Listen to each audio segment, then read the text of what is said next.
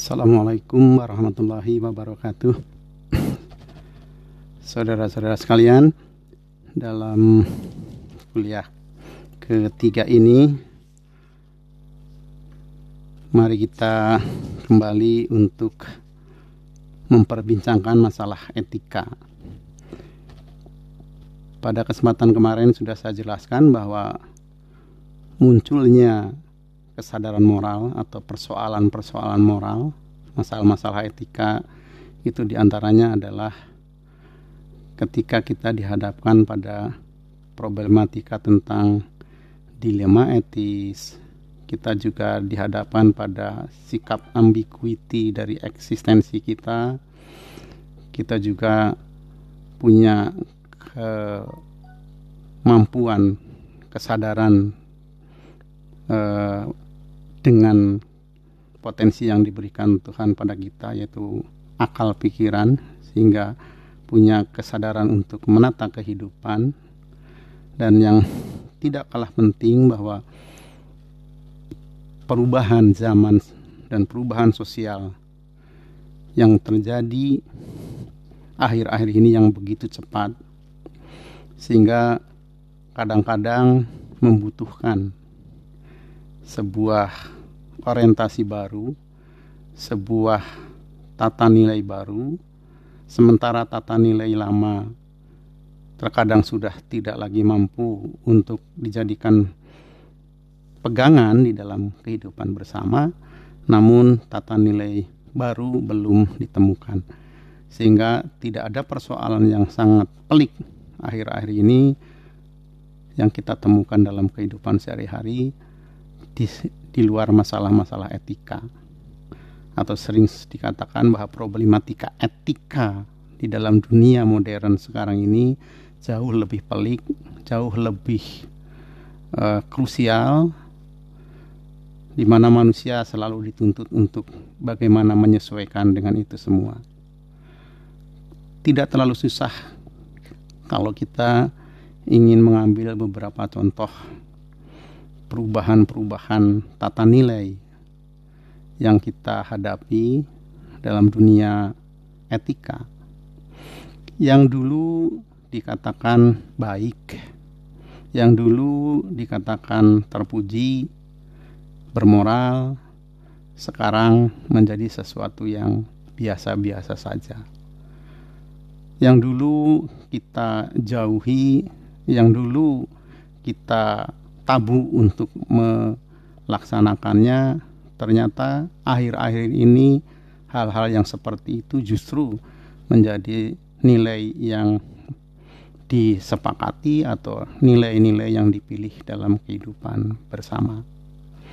Sehingga problematika etika itu selalu akan hadir di tengah-tengah keberadaan kita sebagai manusia yang hidup secara sosial.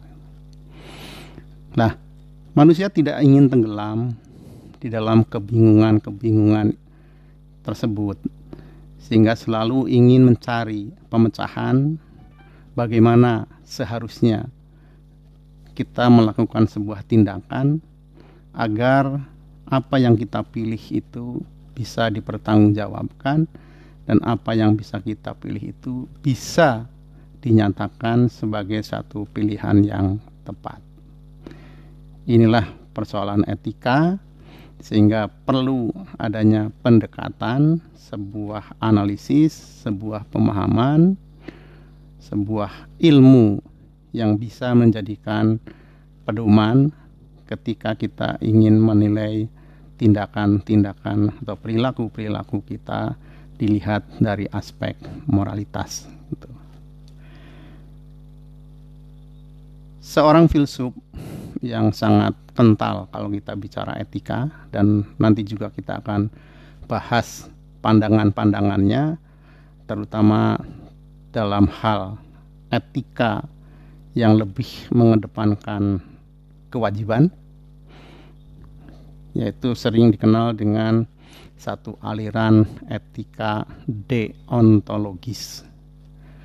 Jadi di dalam etika nanti kita akan membahas dua atau tiga sistem etika atau teori etika yang cukup dominan di dalam membahas masalah-masalah etika. Yang satu aliran kita sebut dengan deontologis. Yang kedua adalah aliran teleologis.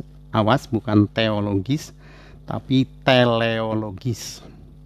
Dan yang mungkin nanti kita juga akan mencari satu sistem etika atau aliran etika yang bisa dijadikan sedikit pegangan gitu yang lazim kita pakai di dalam kehidupan kita sehari-hari yaitu sebuah aliran etika atau sistem etika atau teori etika yang lebih dikenal dengan etika situasi.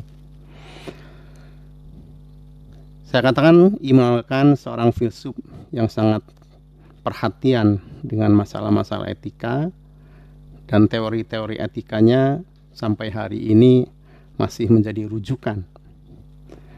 Apa yang dikatakan oleh Immanuel Kant terhadap masalah etika? Immanuel Kant mengatakan bahwa di dunia ini dia menemukan dua fenomena yang sangat menakjubkan gitu.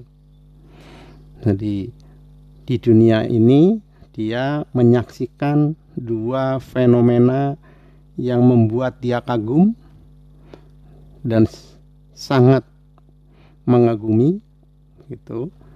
Yang pertama adalah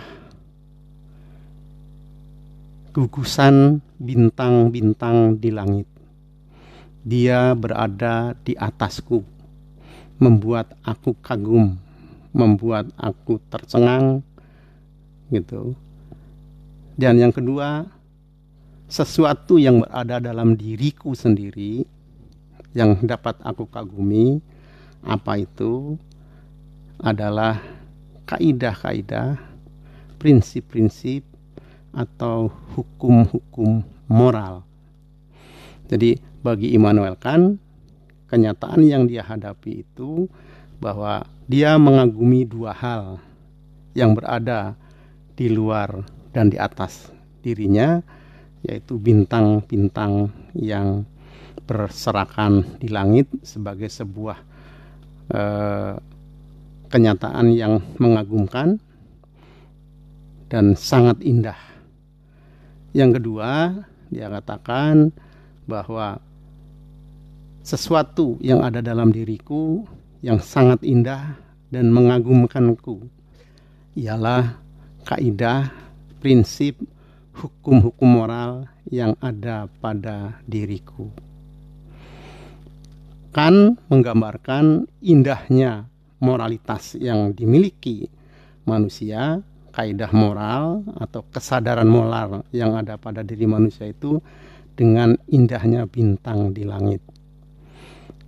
Betapa tidak, memang kalau kita bicara tentang moralitas manusia, maka sangat boleh jadi kita akan banyak mengagumi manusia-manusia hebat, manusia-manusia yang punya kualitas-kualitas intelektual. misalnya, manusia-manusia yang memiliki kualitas-kualitas fisik, cantikkah, gantengkah, kemampuan dalam prestasi-prestasinya, kita akan mengagumi seseorang karena kehebatan kekayaannya, kita kagum dengan eh, tadi saya katakan eh, fisiknya yang ganteng, yang cantik, yang cerdas, dan memiliki kemampuan-kemampuan untuk mempengaruhi orang lain.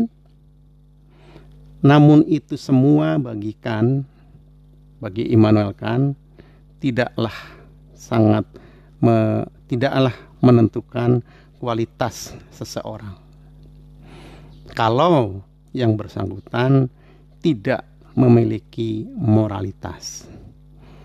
Sederhana memang kalau kita juga menyaksikan mungkin saudara akan merasa risih dengan orang yang cantik misalnya tetapi moralitasnya sangat rendah sehingga kecantikannya tidak punya warna apa-apa bagi kita atau orang yang kaya raya tetapi secara moral dia tidak terpuji sehingga sebagai manusia dia bukan manusia yang baik tetapi mungkin saudara bisa berhubungan dengan seseorang yang sangat biasa-biasa saja penampilannya biasa saja, kemampuannya biasa saja, ekonominya biasa-biasa saja, bahkan mungkin tergolong orang-orang yang lower class gitu.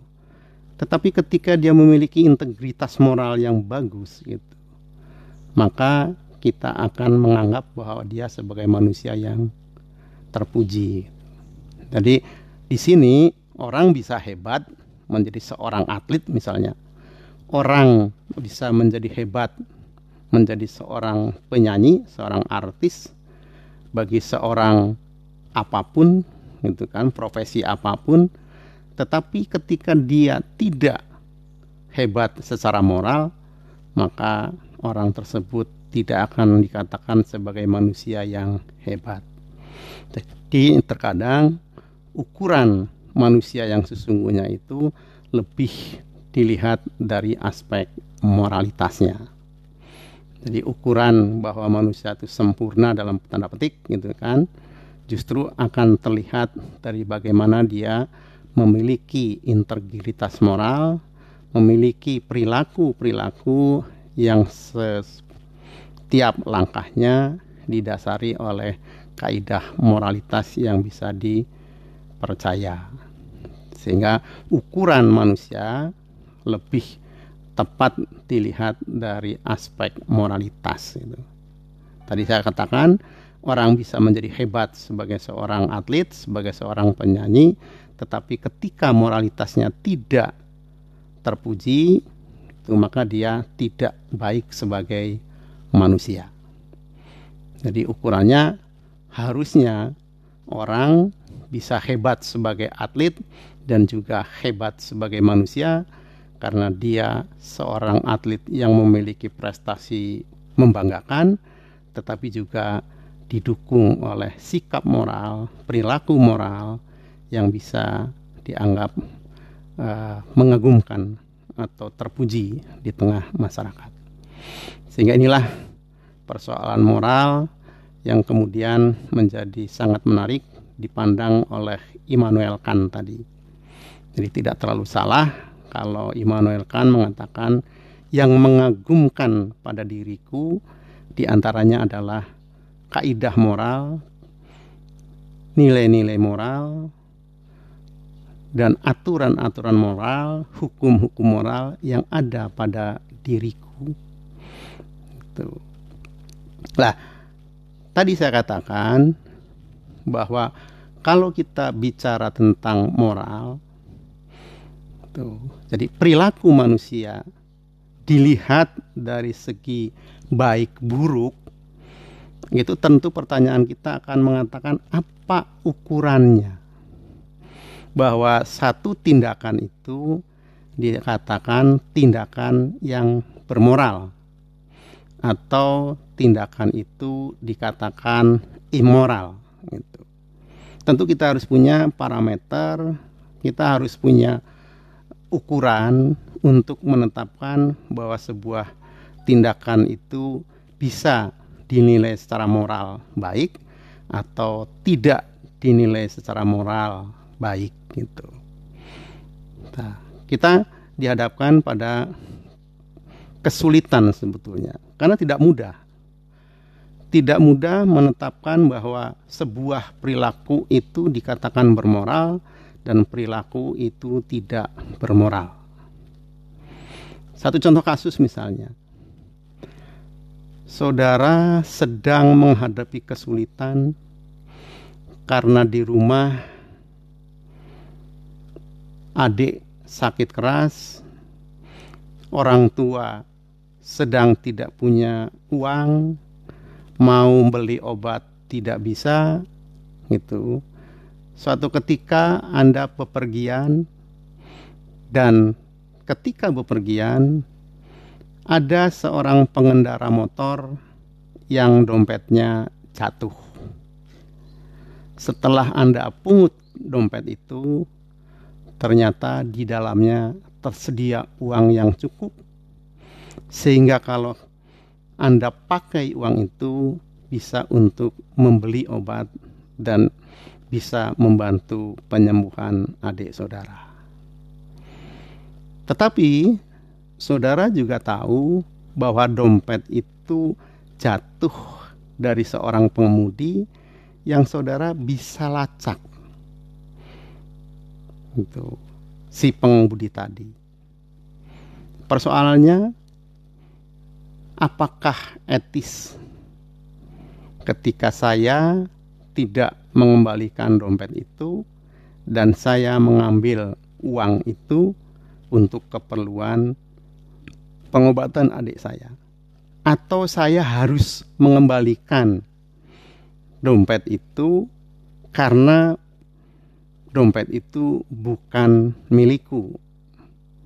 Di situlah persoalan mana yang dikatakan bermoral. Apakah bermoral itu mengembalikan dompet tanpa syarat, atau Anda mengambil atau tidak mengembalikan dompet karena Anda uh, di hadapan pada kebutuhan tadi. Itu banyak hal yang sering kita temukan. Apa ukurannya sesuatu itu dikatakan baik secara moral dan tidak baik secara moral. Di dalam etika tadi ada dua pendekatan yang sangat lazim, yang satu dan yang lainnya itu sangat bertolak belakang. Yang pertama adalah aliran atau sistem etika yang dinamakan teleologis dan yang kedua adalah deontologis. Jadi problematika etika selalu dijawab oleh dua faham ini, dua sistem ini. Yang satu teleologis dan yang kedua adalah deontologis.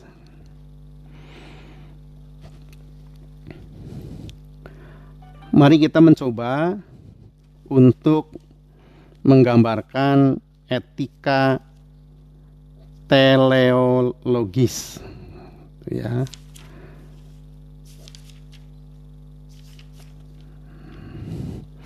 Teleo, teles gitu kan. Kita sering mengenal teleologis. Berarti teleos. Teleos itu tele berarti jauh terarah gitu. Jadi etika teleologis itu satu pandangan tentang baik buruk moral terletak bukan pada tindakan itu tetapi terletak pada dua hal. Yang per, atau terletak pada tujuannya. Jadi tujuan itulah yang menentukan kualitas tindakan saudara, tindakan kita dikatakan bermoral atau tidak bermoral. Persisnya seperti apa? Kalau orang berbuat baik itu ukurannya apa? Kalau tindakan itu dikatakan bermoral, itu ukurannya apa? Jadi kaum teleologis mengukur betul salahnya, baik buruknya tindakan manusia dari manfaat dari akibatnya atau dari tujuannya. Tuh.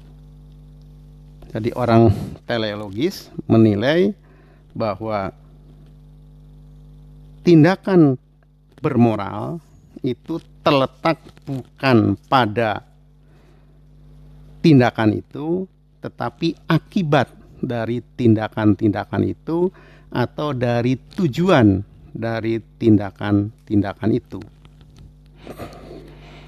prinsip yang dipergunakan oleh kaum teleologis bahwa moralitas atau juga hukum itu diciptakan untuk manusia.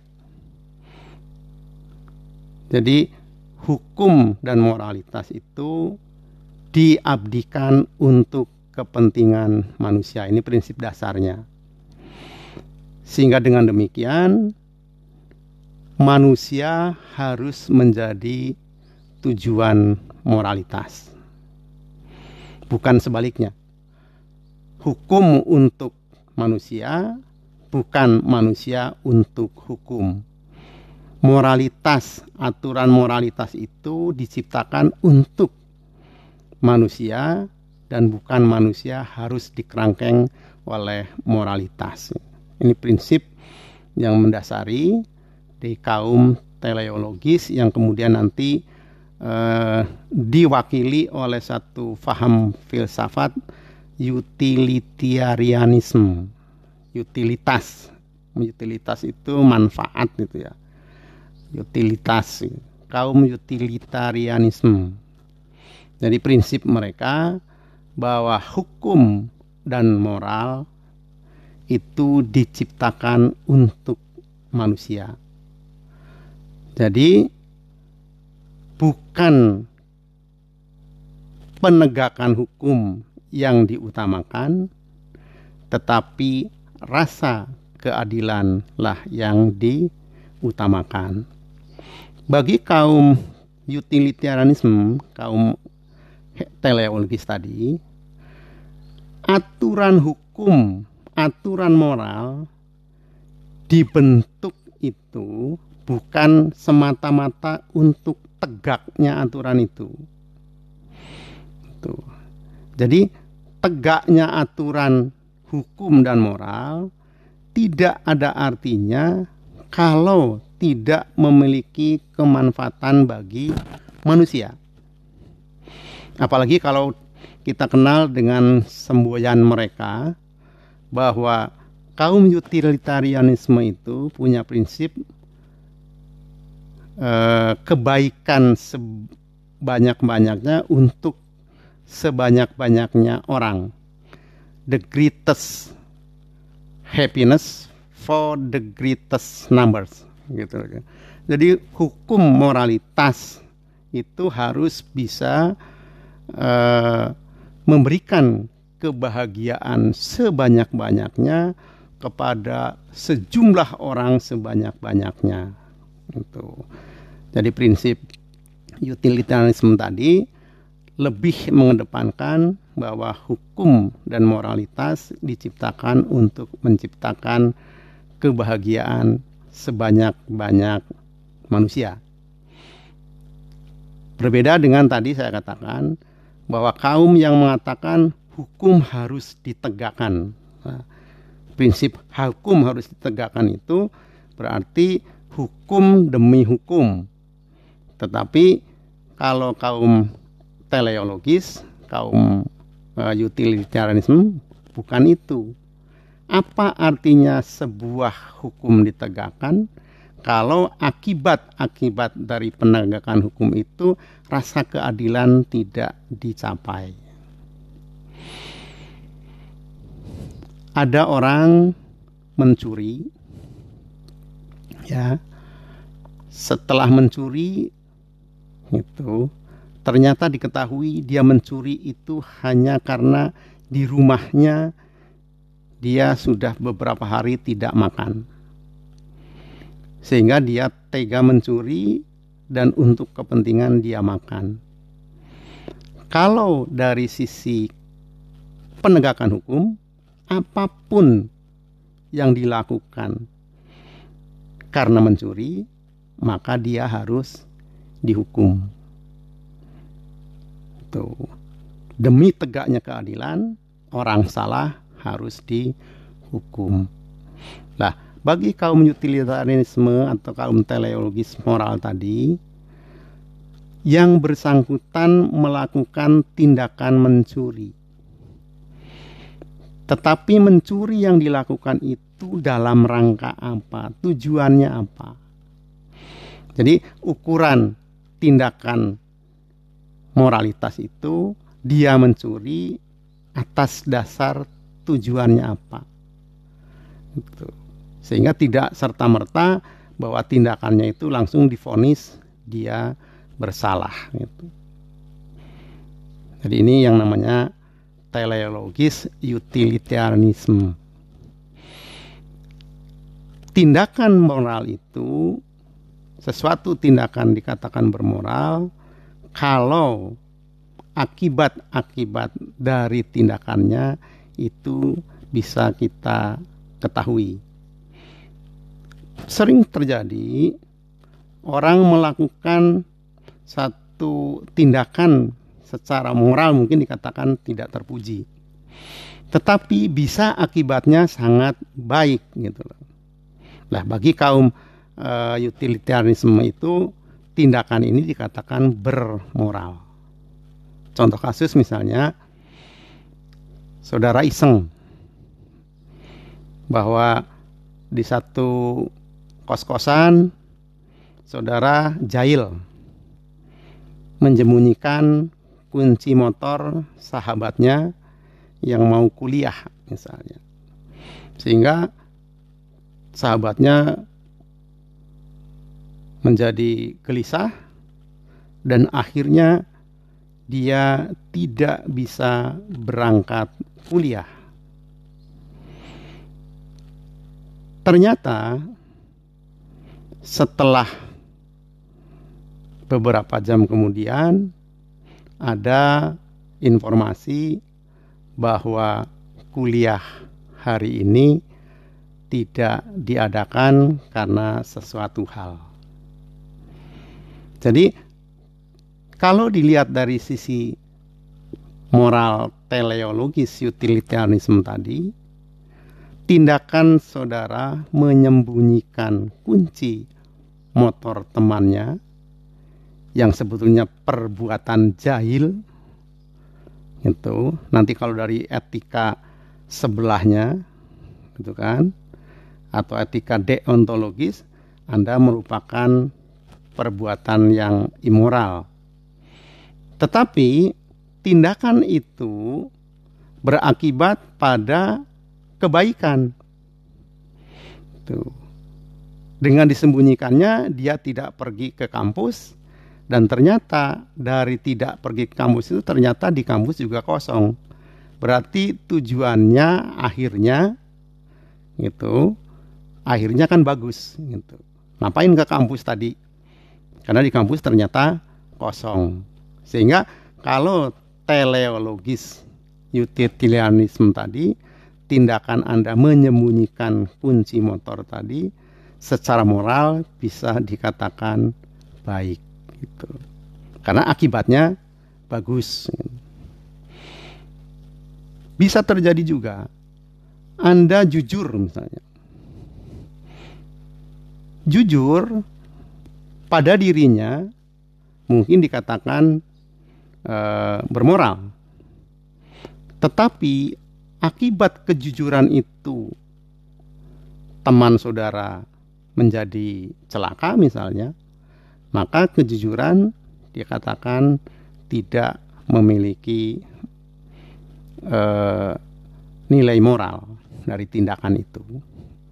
Jadi kembali bahwa utilitarianisme itu menilai tindakan itu bermoral atau tidak bermoral diukur dari tujuan atau akibat-akibatnya.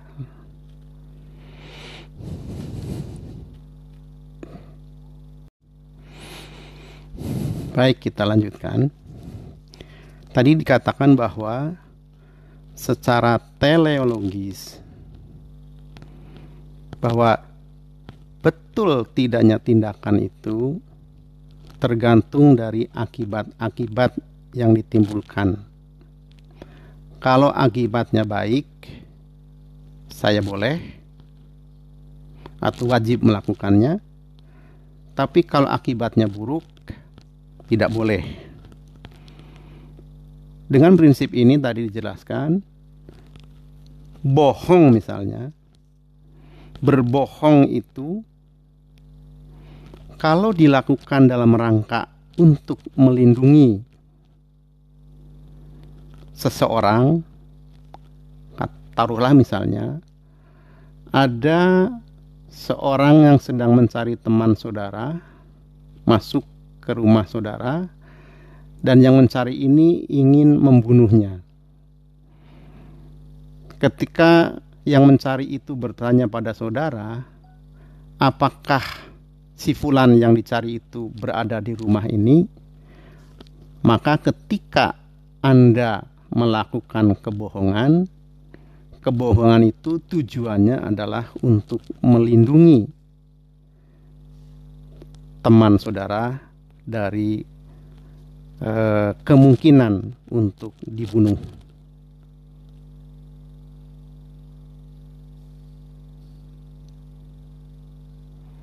Jadi berbohong itu tidak bernilai pada dirinya sendiri kalau teleologis itu.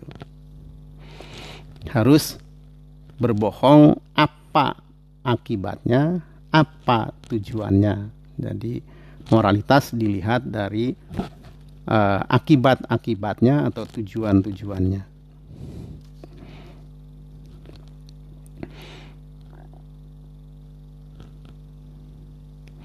Jadi di sini kaum teleologis itu membutuhkan sebuah teori nilai.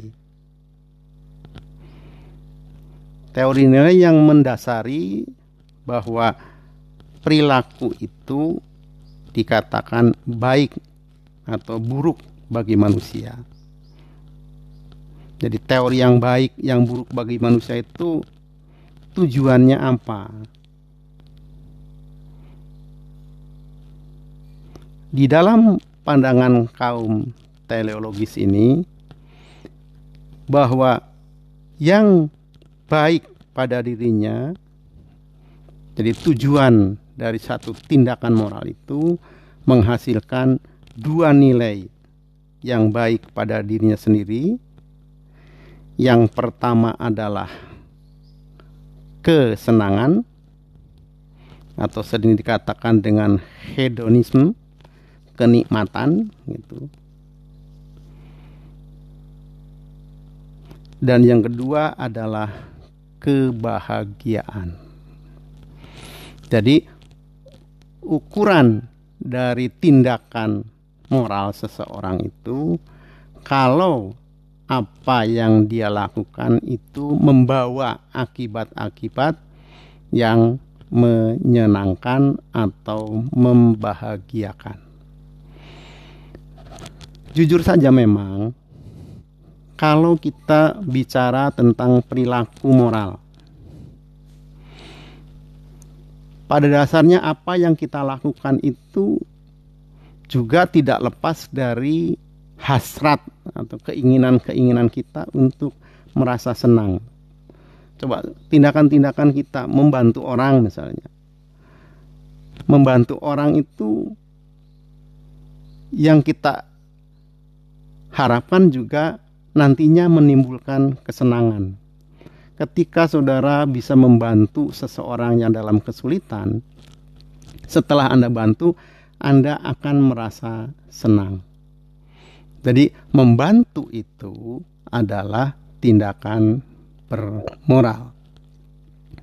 Meminjamkan uang misalnya ketika Anda di hadapan pada kesulitan teman untuk membayar uang kuliahnya dan Anda bisa membantu meminjamkan itu yang pertama Anda rasakan pasti Anda merasa senang semua tindakan kebaikan itu ujung-ujungnya juga kalau, uh, teleologis atau utilitarianisme itu ujung-ujungnya juga rasa senang.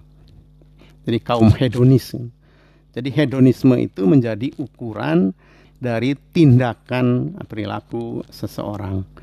Jadi kalau Anda membantu dan Anda tidak merasa senang, itu dikatakan tindakan Anda tidak bermoral menurut kaum teleologis ini. Jadi ukurannya adalah membuat Anda senang, membuat Anda bahagia.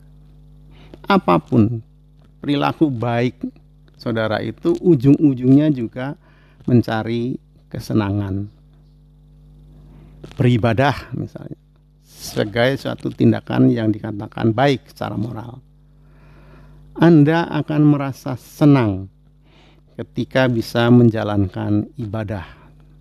Anda akan merasa gelisah misalnya ketika waktunya untuk menjalankan sholat sudah hampir habis sehingga Anda tergesa-gesa dan seketika ada waktu Anda menyelenggarakan ibadah itu seketika itu pekerjaan menjadikan Anda senang. Jadi perbuatan baik itu adalah perbuatan yang dilakukan dalam rangka tujuannya memperoleh kesenangan, kebahagiaan. Itu dikatakan bermoral. Jadi ukurannya tadi ini salah satu pandangan etika yang menempatkan bahwa mengukur baik buruknya perilaku atau tindakan moral dilihat dari akibat-akibatnya, dari tujuannya yang tiada lain, sering dikatakan tujuannya itu adalah kesenangan atau kebahagiaan. Berbohong, misalnya, dari kacamata teleologis ini, hedonis ini, kalau Anda berbohong mengakibatkan Anda senang dan bahagia, maka berbohong itu dikatakan tindakan bermoral. Demikian juga jujur. Jujur yang mengakibatkan Anda merasa eh, apa namanya? tidak senang, sakit atau me, lawannya tidak senang, suffering itu apa ya? Eh, menderita gitu. Karena Anda jujur dan akibatnya Anda menderita, menjadi Anda gelisah, maka kejujuran itu dikatakan tindakan yang tidak bermoral. Ini teleologis utilitarianisme gitu kan, kaum teleologis yang selalu melihat bahwa akibat tindakan itulah yang menjadi dasar kualifikasi bahwa perilaku kita itu bermoral atau tidak bermoral. Nih, tadi satu pandangan. Di satu pihak memang menimbulkan perdebatan yang cukup serius di sini. Memang kalau kita paham bahwa setiap aliran, setiap teori, setiap faham itu pasti tidak bisa menggambarkan keseluruhan secara sempurna. Pasti ada kelemahannya, tetapi juga pasti juga ada kebenarannya. Jadi prinsip kaum teleologis itu bahwa hukum moral itu diciptakan untuk manusia. Jadi manusia bukan untuk sebagai penghamba moral, bukan sebagai penghamba hukum, tetapi hukumlah diciptakan untuk membuat manusia menjadi teratur, menjadi terarah. Gitu. Inilah yang sering dikatakan juga agama misalnya. Agama pun seperti itu bagi kaum teleologis. Agama diciptakan buat manusia, bukan manusia diciptakan untuk agama. Sehingga dengan agama itu dimaksud supaya manusia hidupnya menjadi lebih terarah, lebih bahagia, lebih senang. Jadi kalau dengan agama Anda menjadi ruwet, dengan agama Anda menjadi tertekan, maka bagi kaum teleologis itulah kesalahan kita beragama. Jadi agama diperuntukkan buat manusia, tetapi bukan manusia diperuntukkan pada agama. Jadi kalau pandangan ekstrimnya, kalau orang habis mati-matian membela agama itu dikatakan salah secara moral. Karena agama itu bukan untuk kita bela-belain. Gitu kan? Tetapi agama itu untuk dijadikan alat kita menjadi hidup teratur, menjadi hidup kita senang dan bahagia. Tuh, sehingga orang bisa mempersoalkan ada pernyataan Tuhan tidak wajib kita bela. Tuh. Karena Tuhan bisa membuat semua makhluknya menjadi takwa misalnya. Jadi bagi kaum ini apa pun itu dibuat untuk melayani, membuat hidup manusia menjadi senang, menjadi bahagia. Jadi kalau dengan demikian eh, filosofinya bahwa diciptakan agama itu dibuat untuk membuat manusia hidupnya teratur, hidupnya terarah, hidupnya senang, hidupnya bahagia. Jadi kebalik memperjuangkan eh, agama tetapi justru malah dianya tidak senang, tidak bahagia, tidak teratur. Maka Islam rahmatan lil alamin itu bisa diartikan bahwa dengan beragama maka keamanan, kedamaian, ketentraman itu sesuatu yang harus kita ciptakan, kita peroleh. Bukan dengan beragama orang menjadi saling uh, pisuh-pisuhan, saling menjatuhkan, saling menyalahkan, saling mendiskreditkan. Lah, itu namanya agama diciptakan bukan untuk manusia, tapi manusia diciptakan untuk membela habis-habisan agama. Ini faham teleologis itu. Tadi saya katakan faham ini juga memang memiliki nilai-nilai yang cukup berarti di dalam kita menjalankan perilaku moral. Nah, pertanyaannya tadi, ukuran kebahagiaan itu atau kesenangan itu untuk siapa?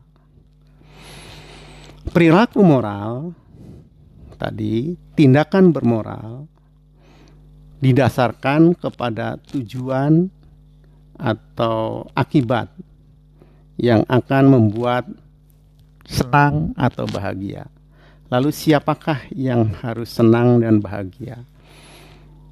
Di satu pihak ada egoisme moral.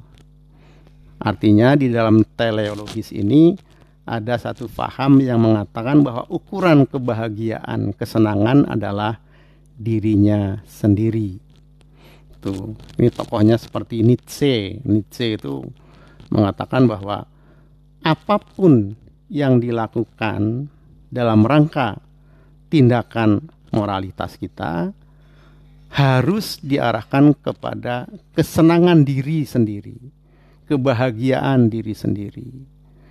Jadi, ketika Anda berperilaku moral, ukuran perilaku itu bermoral atau tidak adalah tercapainya rasa senang, rasa bahagia yang dialami oleh diri sendiri.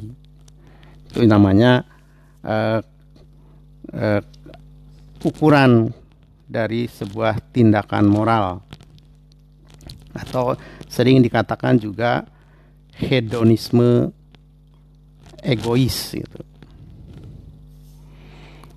Sementara yang lain lebih mengatakan pada kebahagiaan sebanyak-banyaknya orang. Jadi kalau hedonisme tadi lebih ke arah personal, kalau kebahagiaan itu mengarah kepada uh, publik. Jadi dalam alirannya itu dikenal dengan uh, eudaumisme eudemonisme gitu kan itu di dalam teori ini eu, demonisme itu lebih mengarah kepada tercapainya kebahagiaan sebanyak-banyaknya orang. Inilah yang kemudian tadi mendasari bahwa uh, pencapaian it, moral itu harus menjadi uh, kesepakatan untuk menciptakan kebahagiaan sebanyak-banyaknya orang. Atau istilahnya the great happiness for the, the, the greatest happiness for the greatest numbers istilahnya. Kebahagiaan setinggi-tingginya seluas-luasnya bagi sebanyak-banyaknya orang.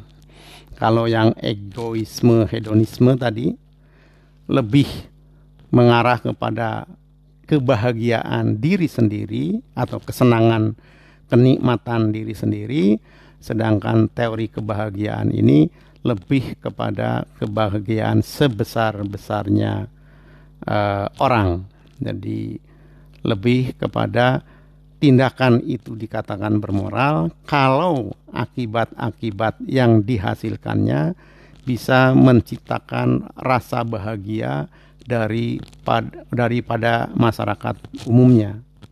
Itu namanya eudemonisme. Saudara sekalian, mungkin kita bisa bertanya-tanya. Gitu.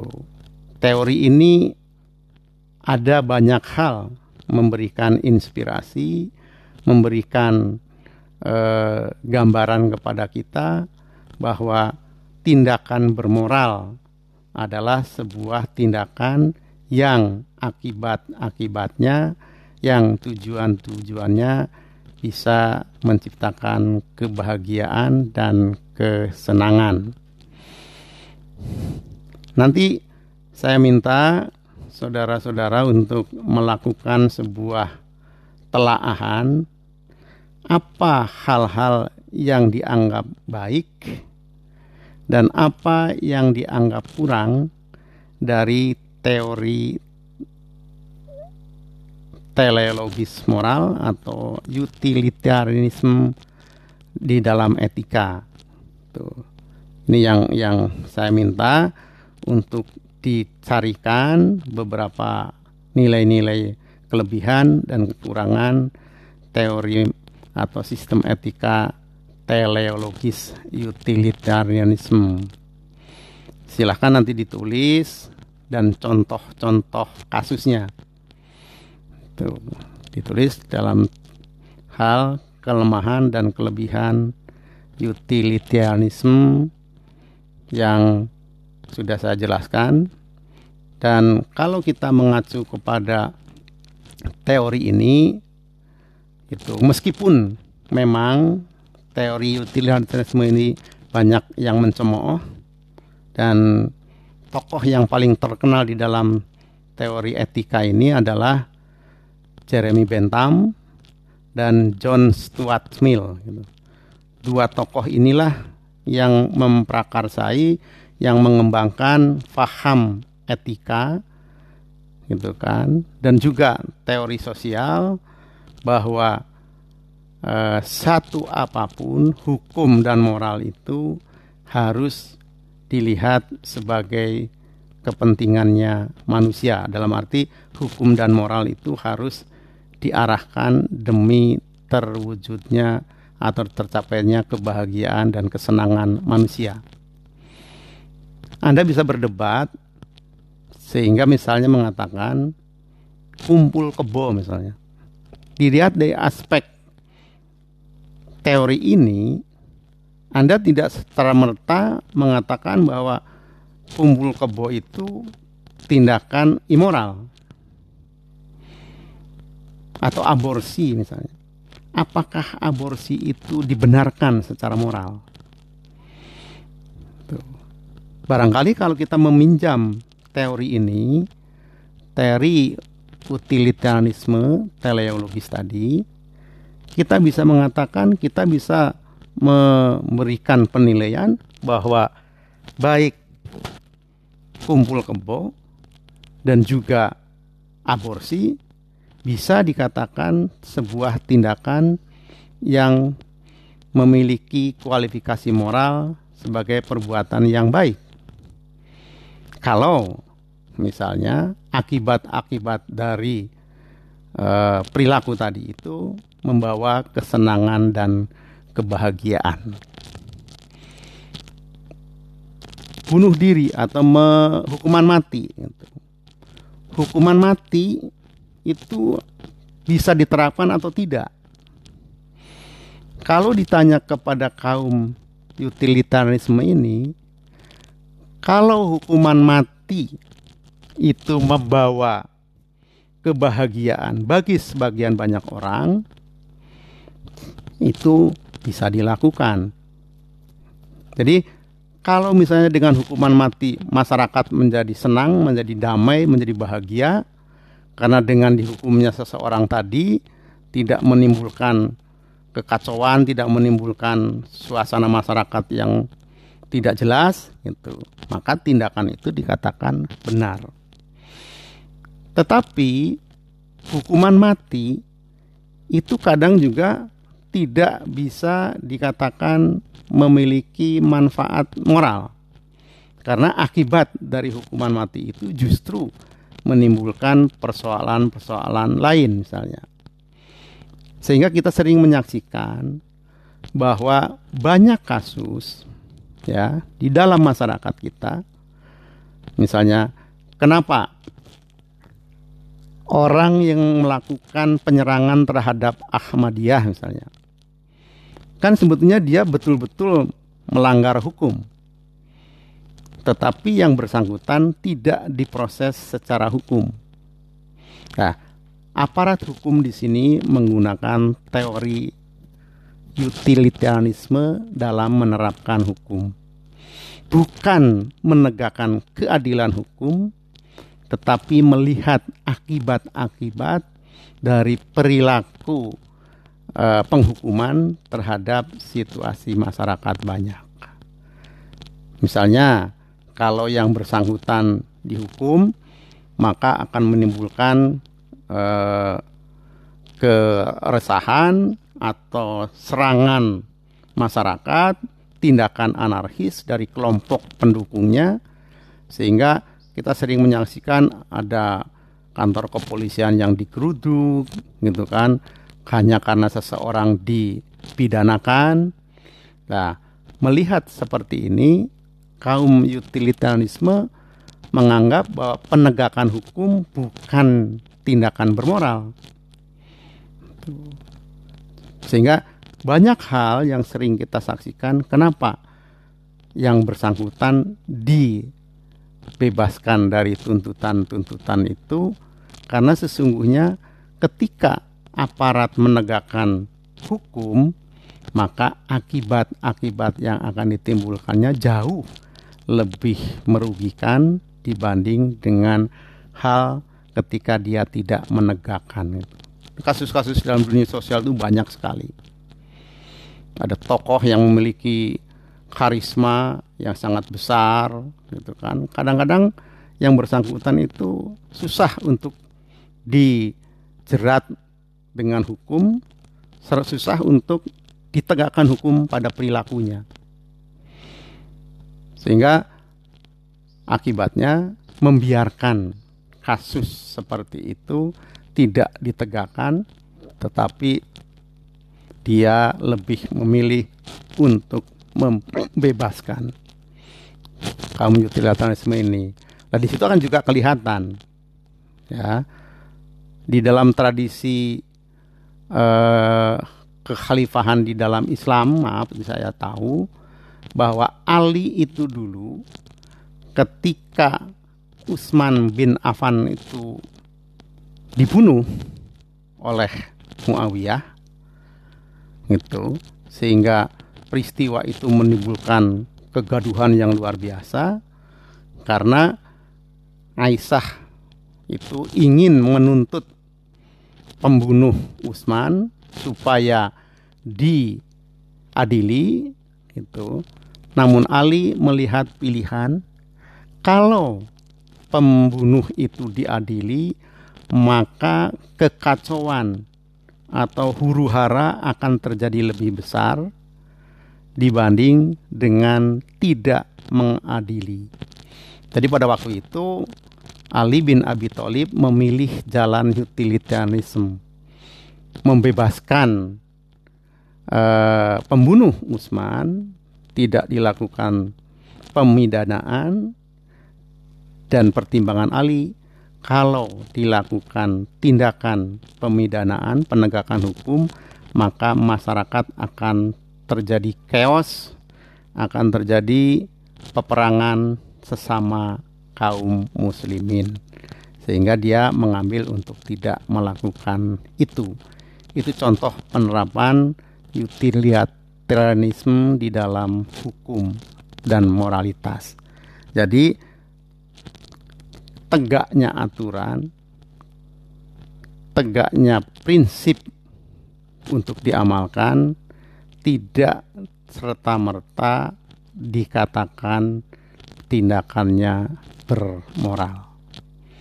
Sangat boleh jadi tindakan tersebut tidak dilakukan, penegakan hukum tidak dilakukan, penegakan prinsip-prinsip moral tidak dilakukan karena akibat-akibat yang ditimbulkan akan jauh lebih berbahaya dibanding dengan tidak menegakkannya.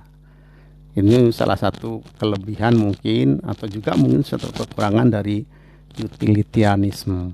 Banyak kasus yang kita temukan tidak tegaknya hukum karena faktor-faktor tadi.